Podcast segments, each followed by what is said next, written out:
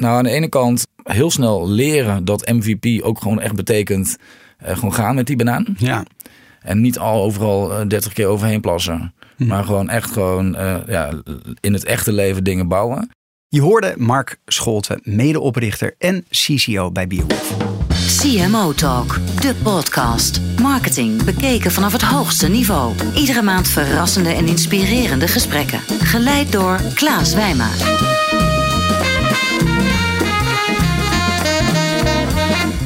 Leuk dat je luistert naar CMO Talk. En vandaag is mijn gast Mark Scholten, medeoprichter en CCO bij Bierwolf. Mark werkte 12 jaar bij Heineken alvorens hij in 2016 Beerwolf oprichtte.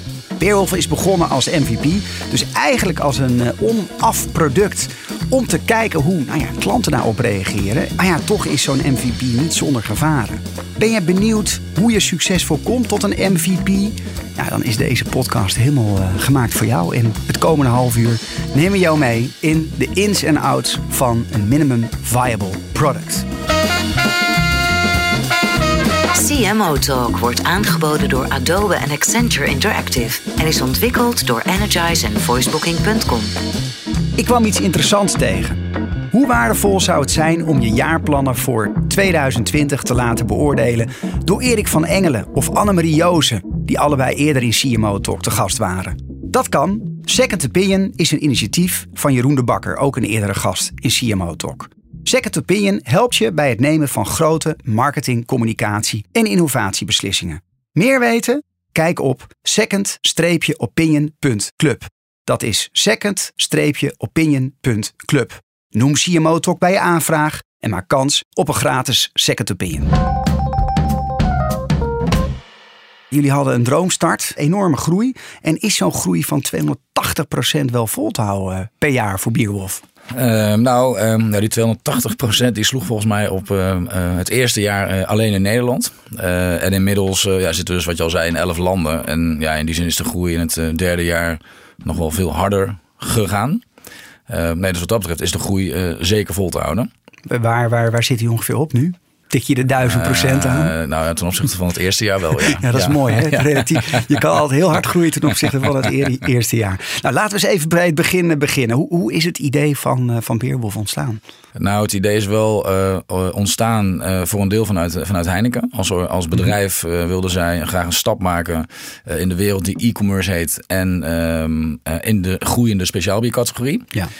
Um, en dat is volgens ja, van een klein projectje gegroeid tot een hele grote droom. De grootste online speciaalbierwinkel van Europa worden. Liep jij met dat idee rond al? Of uh, je, je, hebt het samen met Hans uh, Beum opgericht hè?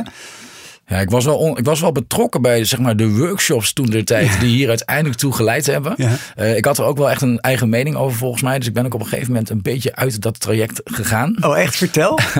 nou ja, kijk, uh, uiteindelijk ik wilde heel graag uh, dat het een consumer-centric approach zou zijn. Ja. In plaats van dat je het vanuit een eigen, hè, vanuit, vanuit het grotere bedrijf opzet. maar Hans Beum is er uiteindelijk mee begonnen.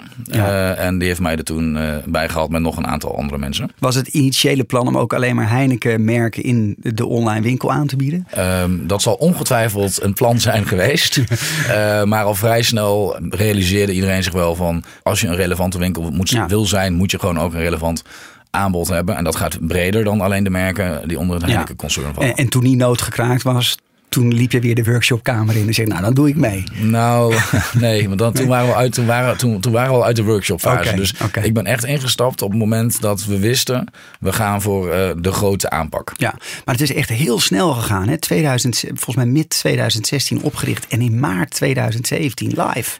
Hoe de hel heb je dat zo snel voor elkaar gekregen? Nou ja, je, je, je refereert in je intro aan de MVP approach. Ja, Uh, en dat was ook echt de aanpak. Dus um, de, volgens mij zijn we in juli bij elkaar gekomen voor het eerst. En het idee was om in 200 dagen een website live te hebben in Nederland. Waar je in principe als bezoeker um, naartoe kon. Je kon dingen uitkiezen. Je kon afrekenen. En het werd thuisgebracht. Zo, ja. Als die flow klopte, dan zouden we live gaan. ja. En dat was uiteindelijk in, op 2 maart. Het is echt ongelooflijk. Hoe heb je dat voor elkaar gekregen?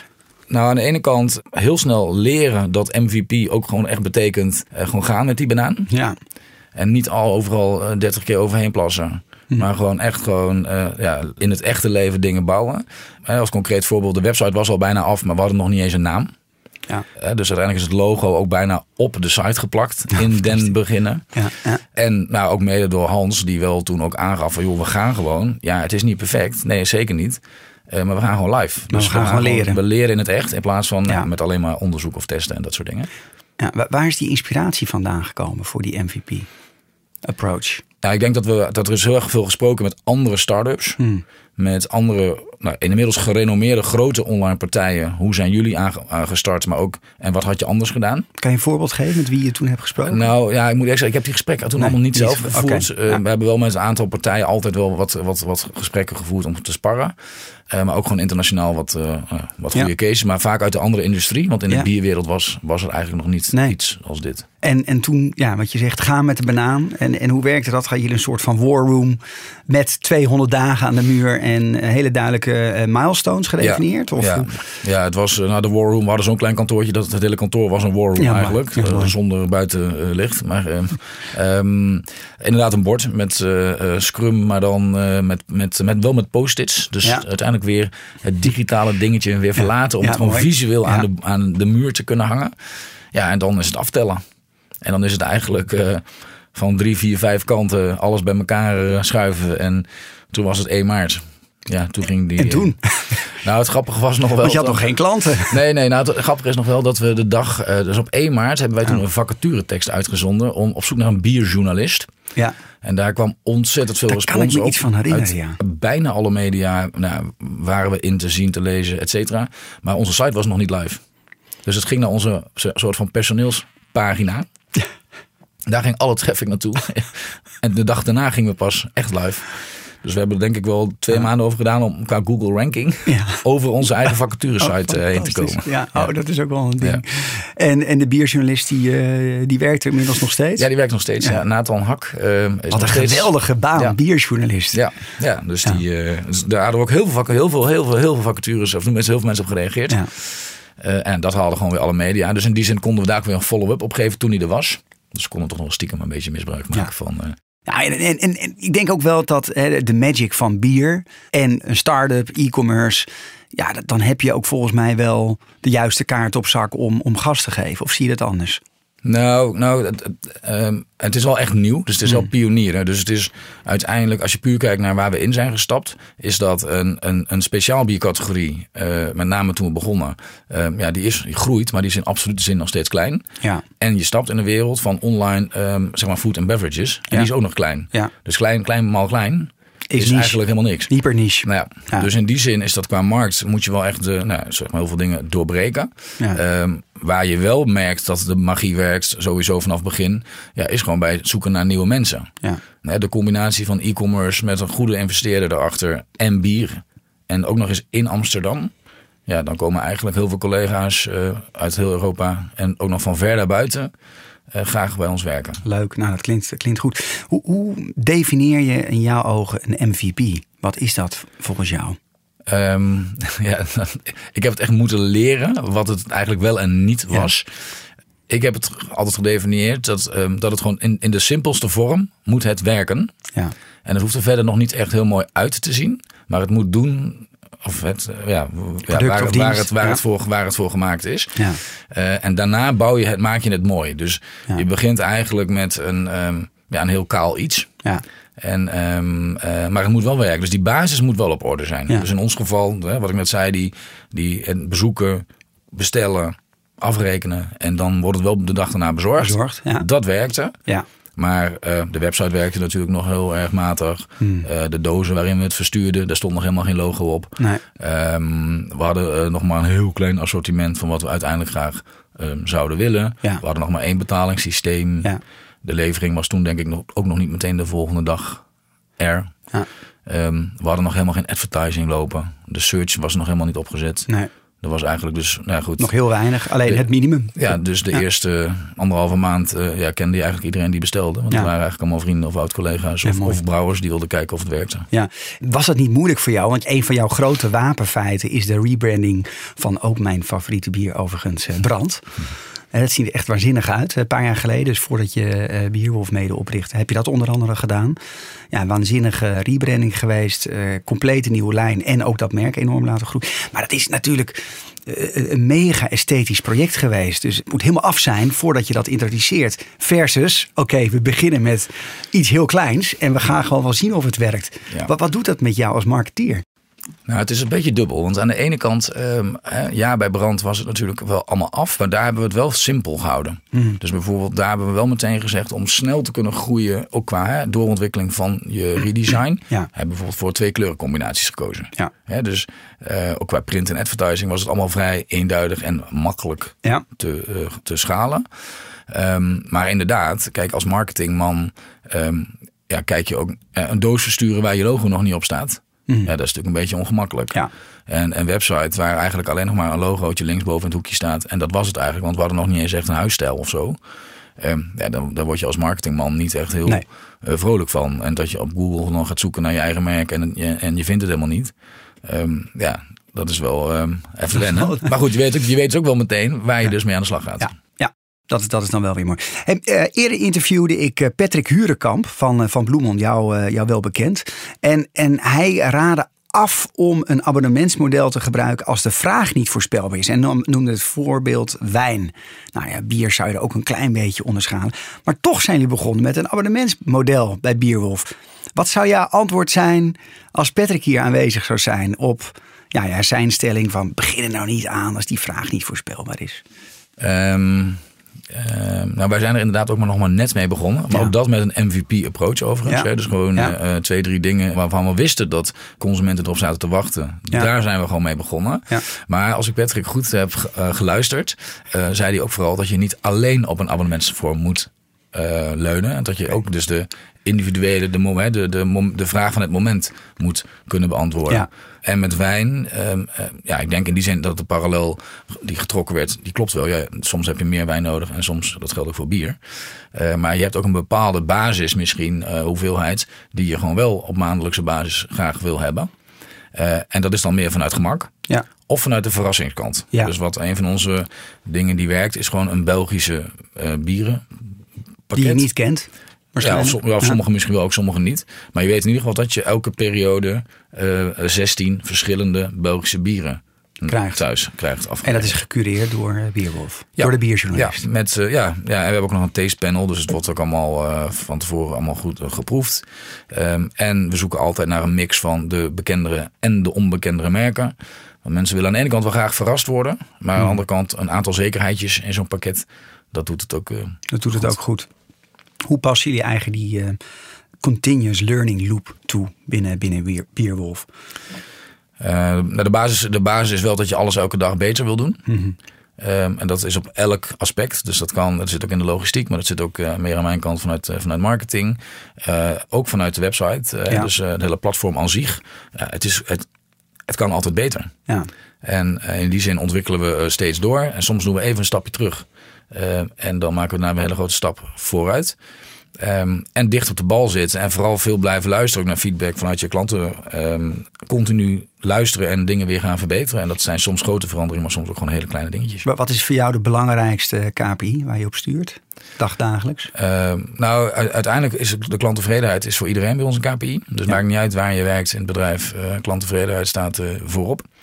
Ehm, Is het rapportcijfer of NPS? score? Ja, is Of- NPS ja? met dan gecombineerd eigenlijk met een toelichting. eh, dus eh, de waarom van de score. Dus we hebben twee eh, indicatoren. Dus gewoon een normale tevredenheidsscore en, en inderdaad NPS. Ja.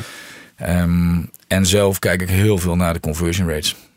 Ja. Want ik weet eigenlijk altijd wel uit mijn hoofd of we grote campagnes draaien. En zeker als ik weet dat er grote campagnes uitstaan. Ja, dan heb ik wel per kanaal in mijn hoofd wat ongeveer de conversion rate zou moeten zijn in dat specifieke land. Oké. Eh, In CMO Talk introduceren we altijd een aantal eh, stellingen aan onze gasten. En eh, hier komt de eerste voor jou, Mark. In een digitale wereld is innovatie op basis van MVP's de enige juiste weg. Ehm, om, succesvol, om succesvol te worden en snel te kunnen schalen, denk ik dat dat zeker klopt.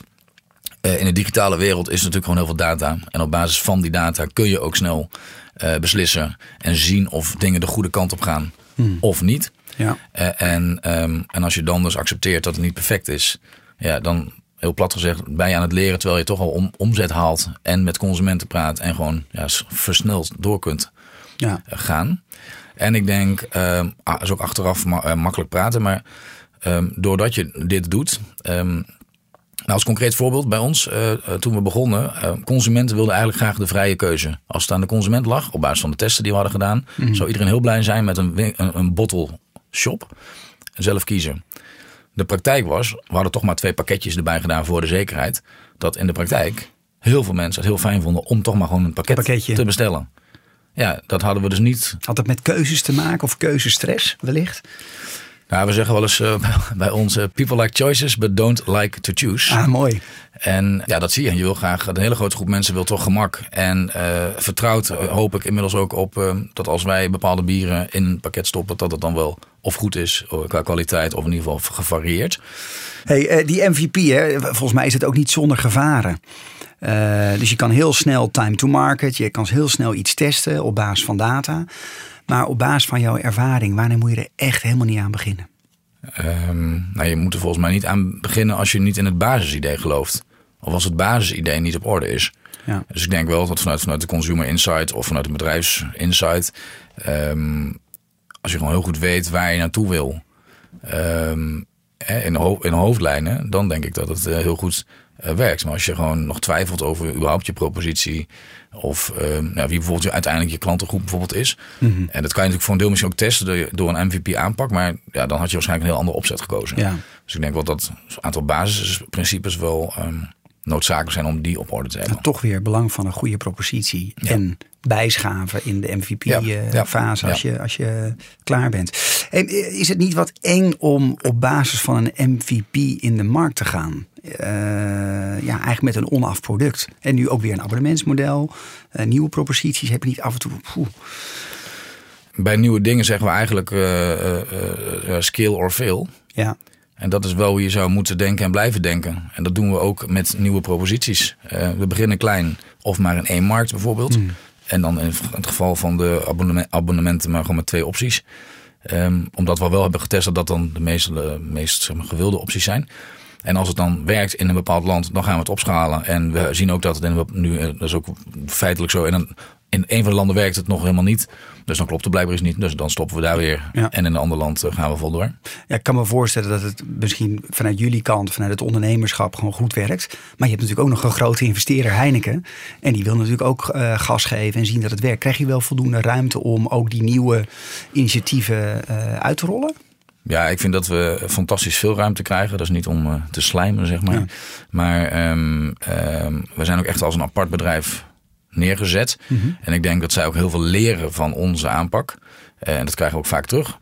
Ehm, het is natuurlijk ook, eh, als je vanuit Heineken als investeerder beredeneert, voor hun ook voor het eerst dat we een directe relatie aangaan met consumenten qua verkoop, ja. qua transactie. Ja. Voorheen liep het altijd via een retailer of via de horeca. Precies. Dus in die zin leren zij ook daar heel veel van. Ja. Eh, en hebben ze ook wel ehm, ehm, ehm, gemerkt dat je de vrijheid dus moet geven, omdat het gewoon een heel andere business is. Ja. Ik kan me ook voorstellen dat je een paar hele grote eh retailpartners tegen het hoofd stoot met zo'n directe verkoopaanpak. Nou, voor het hoofdstoot weet ik niet zozeer. Ik denk dat die markt van online eh, bier, die zal alleen maar groter worden. Eh, dus die taart eh, die gaat echt nog wel groeien. Eh, er zijn natuurlijk wel retailers die in die zin zien wat wij deden. En ja, dan zie je natuurlijk wel een aantal eh, retailers die ongeveer hetzelfde aanbieden Ja. als dat wij ook deden.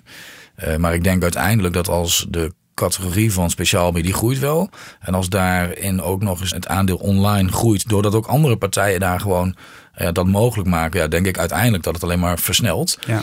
Ehm, en wij zijn alleen maar met bier bezig. Dus wij zijn full dedicated daarop gefocust. En uiteindelijk bij een, ja, een grotere retailer, ja, die heeft natuurlijk nog veel meer productcategorieën. Ja. Eh, dus in die zin moet daar ook ons onderscheid eh, liggen wat liggen betreft. als nichepartner. Ja. In iedere aflevering krijg je ook de mogelijkheid om een, eh, een vraag te stellen aan een volgende gast. Maar in de vorige CMO Talk had ik Jeremiah Albinus van Vonk. En die wil jou eerst een vraag stellen, Mark. En hier komt hij.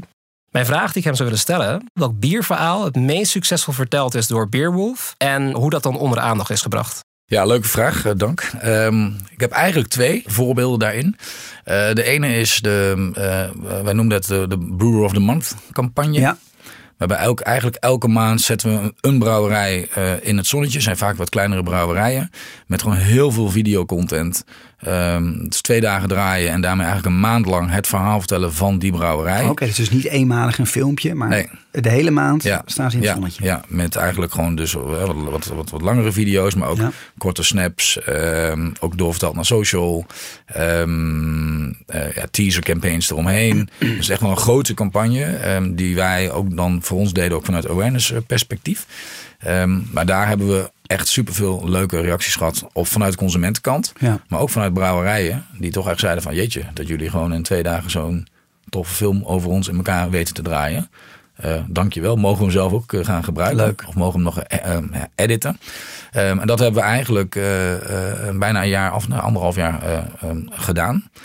Ehm, en ja, die serie die sprak gewoon aan. Dus brouwers kwamen naar ons toe met... eh, ja, mogen wij alsjeblieft ook eh, een keertje meedoen?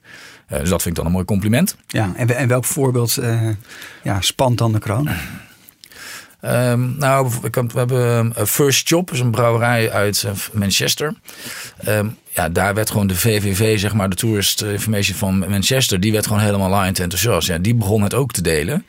Eh, die vonden het gewoon bijna PR voor de stad. Eh, en ja, dat zijn dan hele mooie bijkomstigheden dat het storytelling stuk niet ineens alleen over die brouwerij gaat, maar ook eh, nog een stuk ehm, eh, breder. Ehm, en een ander voorbeeld zijn toch meer de klassiekers als het gaat om content qua bier.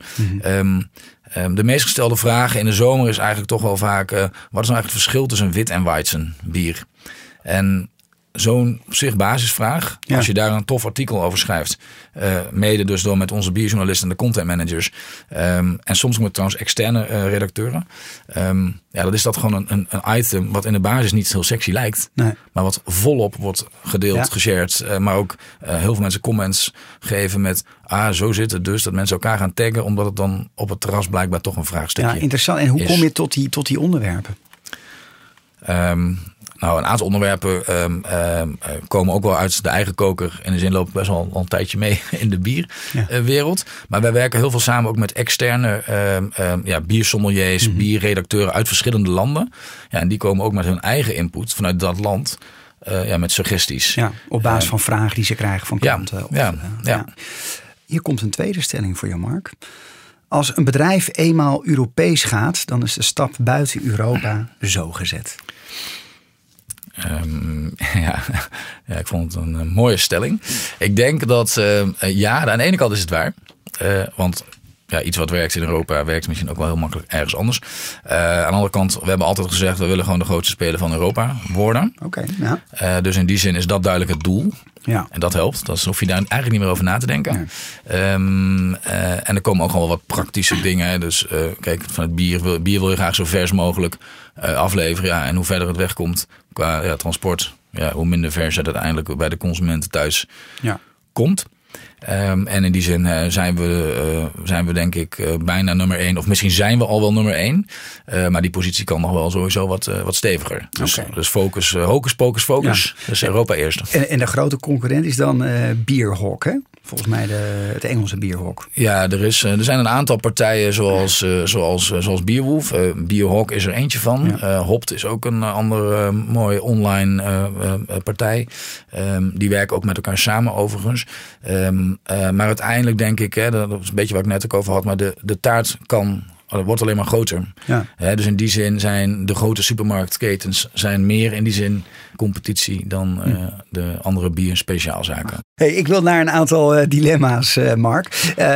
Je mag steeds één optie kiezen. En na afloop mag je eentje uitkiezen die je even wil toelichten. Ja. Komt-ie. Global player of marktleider in huidige markten? Marktleider in huidige markten. Overnames of autonome groei? Autonome groei. Medewerkers of klanttevredenheid?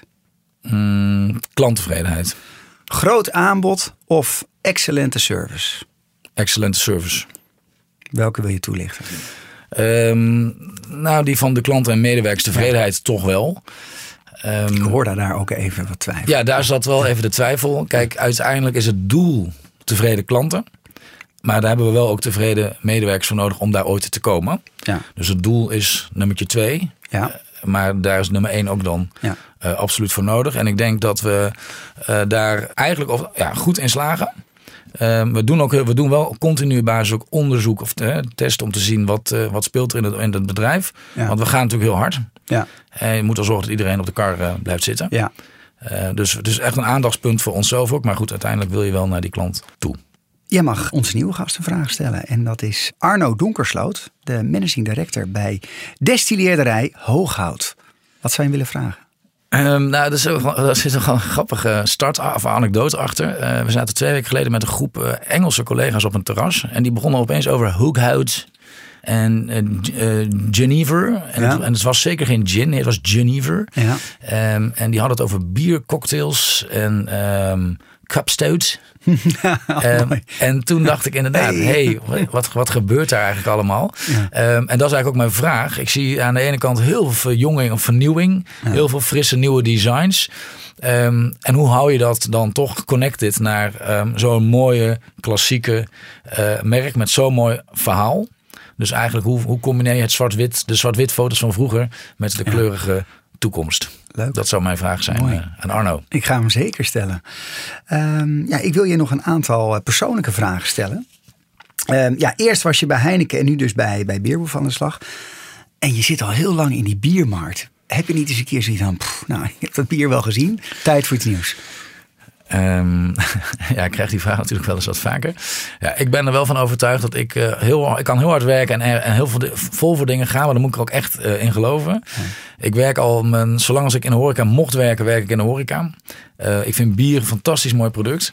Eh, heel veel variatie. Daar zit de brouwerswereld erachter is nog echt een, een vriendenwereld. Eh, het is een sociaal middel. Dus ik vind het qua productcategorie echt fantastisch. En het zit ook nog eens een keer volop in de lift. Dus als er één moment is om er vooral niet uit te stappen, Is het nu? dan is het nu wel. Ja, mooi. Hey, en eh, wat is nou de beste les die jij ooit van iemand hebt eh, gekregen in je carrière?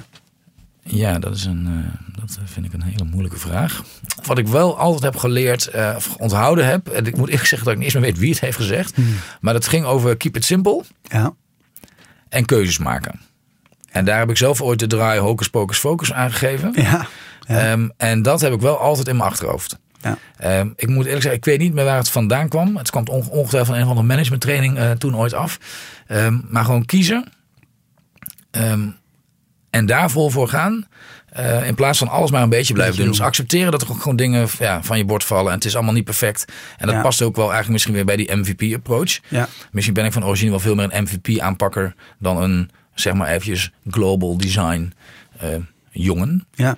Ehm, dus ehm, ja, focus. doen. Focus. Doen, maar wel binnen hele En gaan duidelijke die. Dat, ehm, Hey, en wat is jouw eh, favoriete biertje? ja. nou, ik hou heel erg van de, de stijl triple. Dus dat is, is wat voller van smaak, ook wat zwaarder in alcohol. Dus dan moet je niet, eh, niet te snel drinken. Dus dat vind ik als categorie heel lekker. Ja, een van de klassiekers is gewoon de Westmalle triple. Eh, en dat vind ik nog steeds gewoon een van de allermooiste, lekkerste bieren eh, die er is. Ehm, maar goed, ik word ook elke dag weer verrast. eh, hè, want er gebeurt natuurlijk zoveel in de wereld van de brouwerijen. Eh, ja, er ontstaan nieuwe smaken, fusion styles van twee, drie, vier verschillende stijlen. Dus in die zin worden we wel, in ieder geval ik voor mezelf spreken, ik word wel elke week weer verrast met iets nieuws waarvan ik denk, oeh, zo kan het dus, Dat dus is ook, ook. lekker. Ja. Dat is ook lekker. Tot slot, welk advies geef jij marketeers die eh, bezig zijn met een, eh, met een MVP en eh, ja, eigenlijk heel erg jaloers zijn op jullie groeicijfers? Ja, ik, ik, ik blijf dan toch een beetje bij. ga gewoon, ga gewoon proberen. Ehm, ehm, eh, maar, maar dus begin klein, kijk of iets werkt en pak dat door. En begin niet met 16 dingen tegelijk, maar kies gewoon de twee, drie dingen waarvan je denkt, nou, dat, dat zou het in de basis moeten zijn. Ehm, ga daar vol op door eerst, voordat je weer iets nieuws erbij pakt. Ehm, want ik denk dat ehm, zeker als je als een nieuw bedrijf start, Ehm, en je niet goed weet waar je uiteindelijk naartoe wil, dat je dan ook heel gewoon, dat het heel gewoon chaos eh, kan gaan worden. Eh, en dat je gewoon eh, in het geval van een consumentenproduct continu blijft checken of het nog wel connect naar het originele consumer insight, zeg maar. Ja. Ehm, want voordat je weet, ehm, ja, zit je in je eigen koker en ja, ben je eigenlijk heel ver af van hetgeen eh, waar je ooit mee bent eh, Begonnen. begonnen. Ja. Uh, dankjewel Mark en luisteraars. Dank weer voor het luisteren naar CMO Talk. En nou, zeg je van, ik wil meer weten over nou ja, andere leuke gesprekken die ik eerder heb gehad. Dat kan allemaal op cmotalk.nl. Daar kan je ook uiteraard aanmelden op de nieuwsbrief. En je vindt ze allemaal in iTunes, op Spotify of jouw andere favoriete podcast app. En zeg je nou, ik vind het heel tof. Help mij dan door een, een review achter te laten of een comment. Want het helpt andere mensen ook weer deze podcast te vinden. Dankjewel voor het luisteren. En Mark, dank voor je komst. Graag gedaan, dankjewel. Dank voor het luisteren naar de CMO Talk podcast. Ga voor meer afleveringen naar cmotalk.nl. CMO Talk wordt aangeboden door Adobe en Accenture Interactive en is ontwikkeld door Energize en voicebooking.com.